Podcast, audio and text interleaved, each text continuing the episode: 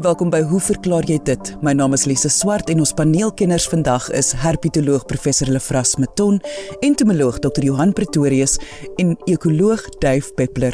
As jy 'n vraag het, stuur jou e-pos na lise@rsg.co.za. In Sondag 12 Februarie se episode van Hoe verklaar jy dit? Het entomoloog Dr. Johan Pretorius Gerald Groenewald van Johannesburg se vraag oor die ontstaan van insekte beantwoord. As gevolg van tyd kon hy nie verduidelik hoe die vlerke van insekte ontstaan het nie. Een van Gerald se vrae.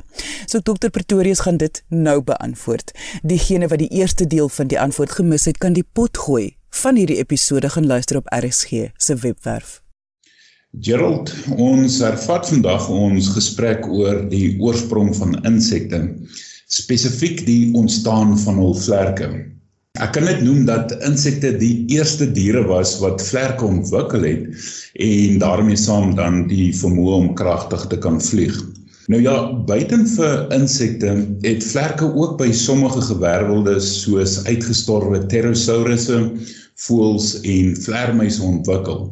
Dit is egter interessant om daarop te let dat by hierdie gewerveldes die eerste paar ledemate die vlerke vorm, maar dit is nie die geval by insekte nie, aangesien gevleelde insekte steeds die oorspronklike 6 paar pote bou soos in die geval van hul vlerklose voorouers.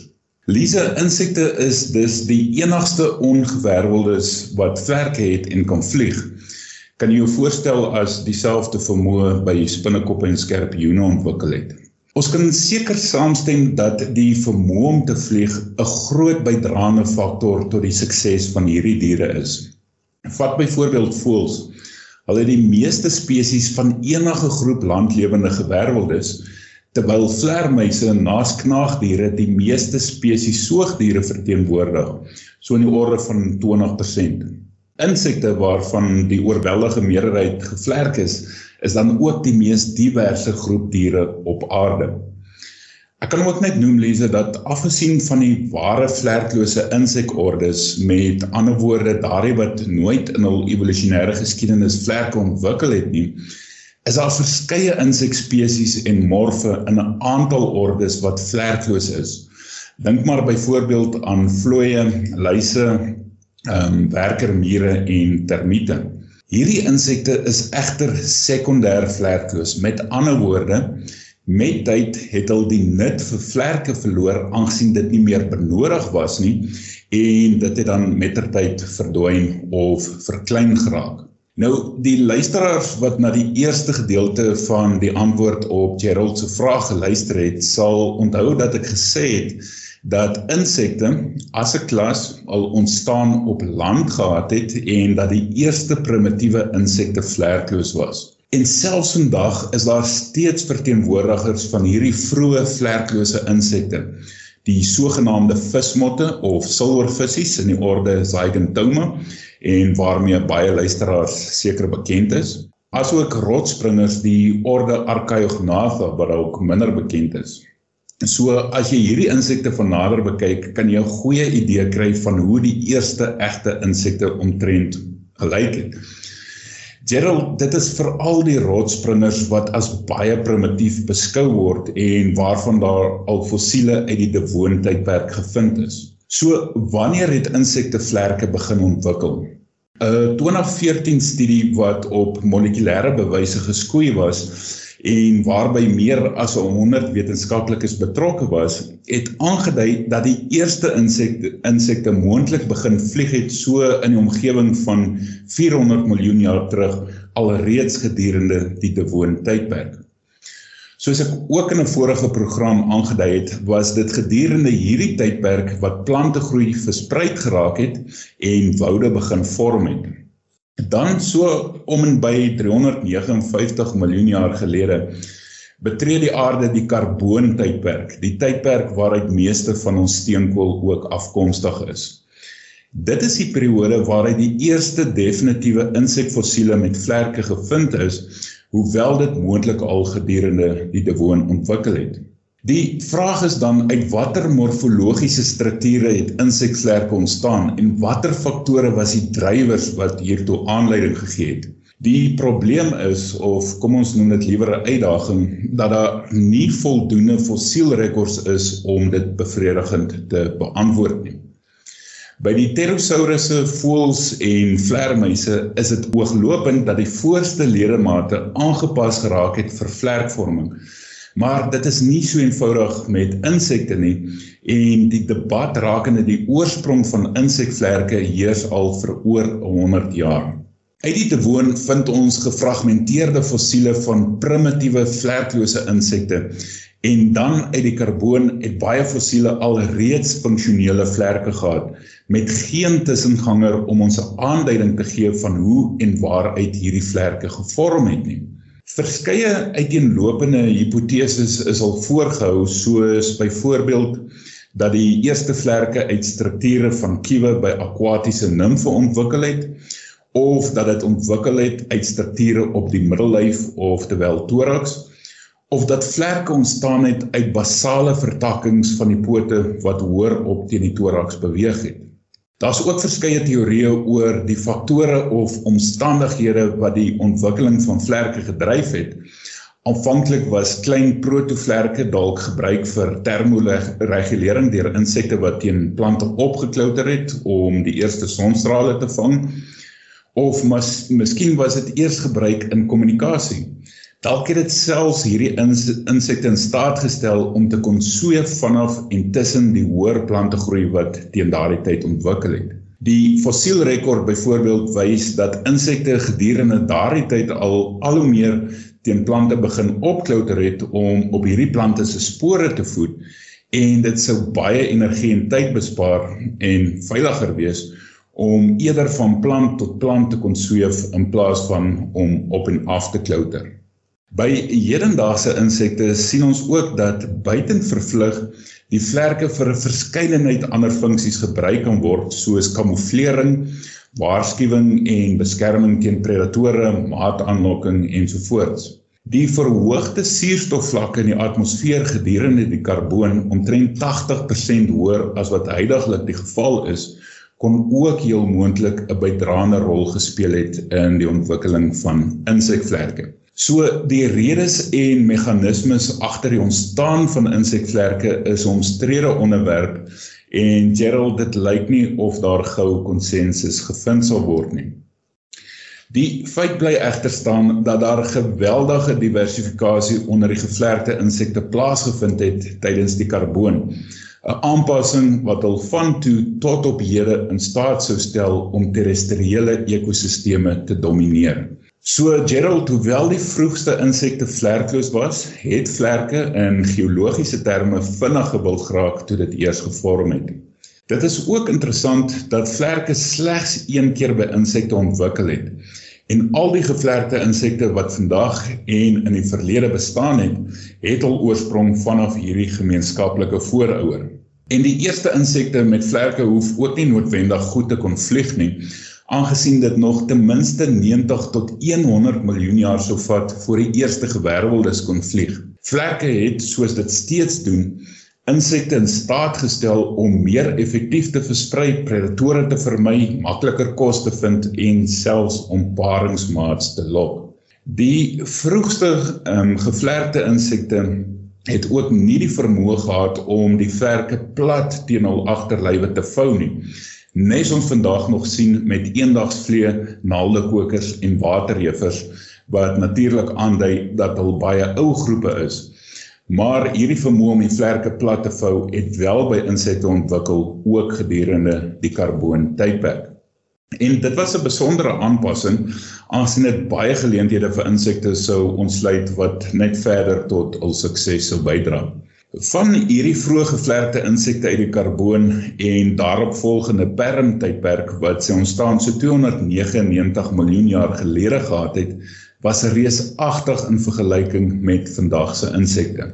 Een voorbeeld is die uitgestorwe insekorde Paleodictyoptera wat steeksuigende monddele gehad het en wat waarskynlik die eerste ware fitofage of plantvoedende insekte was. Fossiele van een so spesies het 'n vlerkspan van 56 cm gehad. Maar Lise, dit is gedurende die Perm tydperk wat die reuse van die insekwêreld geleef het. Die grootste waarvan ons weet is 'n oernaalde kokeragtige insek by name van Meganeropsis permiana wat 'n vlerkspan van tot 71 cm gehad het en 'n liggaamslengte van amper 43 cm. Die einde van die perm het egter lewe op aarde verander. En dit is omdat daar teen ongeveer 252 miljoen jaar gelede die grootste massa-uitwissing van organismes in die geskiedenis van lewe op aarde plaasgevind het, die sogenaamde Perm-Trias-uitwissing. Ongeveer 96% van dierespesies in oseane sterf uit, onder hulle baie geleedpotiges soos die laaste trilobiete, terwyl omtrent 70% van alle gewervelde spesies op land uitsterf. Dit is ook die grootste massa-uitwissing van insekte in die geskiedenis met 'n uh, geskatte 8 tot 9 insekordes wat uitsterf ter, terwyl verskeie ordes uitgedun raak. Sommige sou later selfs verdwyn en daarmee saam ook die reuse insekte. En so kom die Paleozoïkum of tyd van antieke lewe tot 'n eind, 'n era wat gestrek het van die Kambriese periode waaroor ons laas gesels het tot die Perm. Maar ten spyte hiervan het verskeie insekordes die uitwissing vrygespring en voortgegaan om te diversifiseer en nuwe groepe te vorm. Na hierdie uitwissing betree die aarde die Mesozoïkum, die tyd van middellewe met sy Trias, Juras en Kryttydperke en die eerste soogdiere Pterosaurusse dinosourusse en voëls maak hul verskyning en vir die eerste keer behoort die lugruim nie meer eksklusief aan die insekte nie. So Gerald, dit is so 'n kort die verhaal oor die ontstaan en ontwikkeling van insekte en hul vliegvermoë. Maar ons moet in gedagte hou dat nuwe wetenskaplike metodes en fossielfondse die potensiaal inhou om hierdie prentjie duideliker te maak. Dankie vir 'n boeiende vraag. En dit was entomoloog Dr. Johan Pretorius. Indien jy 'n vraag het, stuur jou e-pos na lise@rsg.co.za.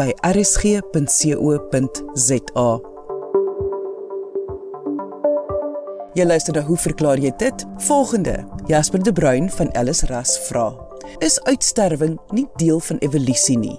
Maak dit ekologies saak as 'n onbelangrike diertjie uitsterf? Ekoloog Dave Peppler gaan hierdie vir ons beantwoord. Jasper, Hier raak jy aan 'n ongelooflik belangrike vraag. Want dit is een van die verborgde aspekte van van die ekologie. En veral in terme van spesies wat bekend staan as sleutelspesies. Nou ja, Primack, Richard Primack, een van die beroemdste ekoloë op op aarde, het 'n wonderbaarlike boek geskryf, A Primer for Conservation Biology, waarin hy beskryf dat ons vandag as ekoloë heeltyd, letterlik die heeltyd in 'n krisisdissipline beweeg. Met ander woorde, ons stop gate toe van stelsels wat ons eintlik nie volledig verstaan nie. Maar ons word moreel verplig as getroue en en lanklewende inwoners van die aarde om iets te doen aan die skade wat ons as mense doen. Hier volg natuurlik 'n ekologiese tamaletjie. Want ons moet weet wat fout is voor ons dit kan regmaak. Lise, ek is baie ernstig hieroor. Ons kan nie net pleisters opplak as ons nie weet wat fout is nie. En jy weet uit jou ondervinding van die sielkunde en die mediese wetenskap dat panaceas werk gewoonlik nie. Nou kom ons kyk 'n bietjie na voorbeelde van net hoe ernstig dinge kan verkeerd gaan. In een van die klassieke voorbeelde en en meeste mense is bekend daarmee, maar ek moet dit herhaal, is die hele kwessie van wolwe in Yellowstone National Park. Toe ek laas daar was, was daar nie wolwe nie dit is sekerlik. Ek weet daar's 'n miljard mense elke 5 minute, maar een van die van die mees verruklike plekke op aarde. Dit is landskappe wat jou asem wegneem met riviere vol salm en jy weet en en elk en al daai groot Amerikaanse diere wat by. In elk geval, iemand het gesê ons het die wolwe uitgehaal en ons moet hulle terugsit. 'n klein troppie wolwe groepie is is teruggeplaas Lise binne 15 jaar het die park so verander dat dit onherkenbaar geword het. Hoekom? Wolwe was die hoof uh, roofdiere met die groot bokke wat gewoonlik in die rivierweddings gewy het want daar's die lekkerste kos. Die oomblik toe hulle wol beïngooi, toe storm al die bokke berg toe en die riviere het letterlik voor jou oë toegegroei van plante want daar was niks om die plante te vreet nie. Met ander woorde, deur 'n klein groepie um alfa spesies terug te plaas in 'n stelsel, het die landskap verander ten goeie. Maar kom ons kyk ten slegte. Ek was 'n aktiewe wetenskap uh, wetenskaplike hier in die vroeë 2000s. Toe in Indië byna die ganse bevolking van aasvoëls verdwyn het. Tussen 1992 en 2007 het 97% van alle aasvoëls in die in Indië verdwyn. Kan jy ek weet daar was net 3% oor. Daar was 'n ewige geskarrel en wat het hulle uitgevind? Dat die booswig was daai Clofenac. Ons ken dit almal uh vir mense wat gout het, jy weet, uh dis 'n bekende medisyne, maar dit is deur die bank aan beeste gegee as 'n anti-inflammatoriese middel. Die aasvoëls het dit gevreet en byna uitgesterf. Hulle kon nie 'n gram of 'n pikogram van hierdie uh, middel uh, weerstaan nie. Wat het gebeur? Omdat daar 'n uh, oorvloed van karkasse was, was daar letterlik 'n ontploffing van honde en rotte. Die hondbevolking van Indië het in dieselfde tyd met 7 miljoen vermeerder want daar was soveel kos. Met ander woorde, omdat die aasvoëls verdwyn het, was daar rotte en honde en daarbey hondstolheid, 'n absolute uitbreking van hondstolheid. Kom ons gaan 'n bietjie verder terug. In die 1950s het Mao Zedong, die um Chinese premier, hierdie groot landskap uh veranderende uh, projekte van stapel gestuur. Hy het oorlog verklaar teen vier spesies: die muskiet, die rot, die vlieg en die mossie en hy het instruksies gegee aan die miljarde mense dat hulle elke mossie voor die voet moet uitwis. Wat het gebeur? Daar was 'n absolute ontploffing van landbouplaae want hulle het nie hulle huiswerk gedoen nie en nie besef dat mossies meer insekte vreet as wat hulle graan vreet nie. En as gevolg van die mossie uitwissing het meer as 40 miljoen mense hulle lewe verloor 'n hongersnood. Kom ons kyk na parasiektes. Ehm um, daar is 'n uh, eh, duidelike bewys dat in die ou dae in die 50s en 60s was een van die mees uh, bekende proewe vir swangerskap die gebruik van ons gewone platanna padda uit die Kaap. Indien jy die urine van 'n swanger vrou in 'n wyfie padda ingespuit het, het sy binne ure begin eiers lê. Dit was die goedkoop maklike toets. Met die paddas wat die hele wêreld vol gesprei het, het daar swamsiekte saamgegaan. En in Panama en Costa Rica tussen 1980 en 1990 het hierdie dodelike fungus ek dink in die orde van 50 na 60 spesies van padda laat uitsterf. Dit is die gegewe, maar in hierdie selfde venstertydperk was daar 'n 8 jaar piek van malaria wat die paddas het ophou muskiete vreet.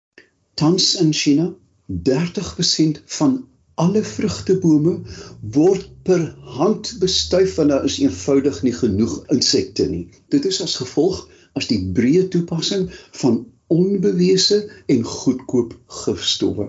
Met ander woorde, hulle kan nie bye indra nie want daar is nie bye om in te dra nie. Hulle staan op leere met veertjies en bestuif die appelbloeisels een vir een. Ons kyk na die manglietwoude. Uh, mangliet is natuurlik die uh, oorbekende Engelse mangrove. Dit is so duidelik soos daglig met die groot tsunami van 2004 waar die manglietwoude behoue was, met ander woorde 'n buffer was tussen die tussen die see en die land. Was daar aansienlik minder indringing van die tsunami na die binneland. Met ander woorde Lise, ons doen goed en ons besef nie naaste by wat die uitval daarvan gaan wees nie. En ek haal dit met 'n swaar hart aan die goddelike vers van Ernst van Heerden aan die verhuisingsmanne. Hierdie is 'n parafrase. Dra saggies gode want die natuur se porselein is broos. En dit was ekoloog Duif Peppler Ons kitsvraag van die dag word beantwoord deur herpetoloog professor Lefras Meton. Ons programaanbieder, die Nimlike Lise, het vir my 'n foto van die Mata Mata waterskilpad gestuur met die vraag: Wat op aarde sou in hierdie gedroggie se lewe verkeerd geloop het? Nou luisteraars wat toegang tot die internet het, moet tog asseblief gaan kyk uh, vir 'n foto uh, van van hierdie mate mate waterskilpad want dit is definitief iets om te sien. Soek vir mate mate turtle. Nou die mate mate waterskilpad is 'n Suid-Amerikaans. Dit kom in die Amazone kom voor. Met ander woorde Brasil, Venezuela, Peru, Ecuador, Colombia, Bolivia, daai dele. En dit is 'n 'n relatief groot waterskilpad. Uh, die dop kan tot so 45 cm lank word en die skilpad kan tot 20 kg weeg. So Lise, uh, die naam gedroggie is waarskynlik nie die regte naam nie. Mens moet dit liewers maar 'n gedrog noem.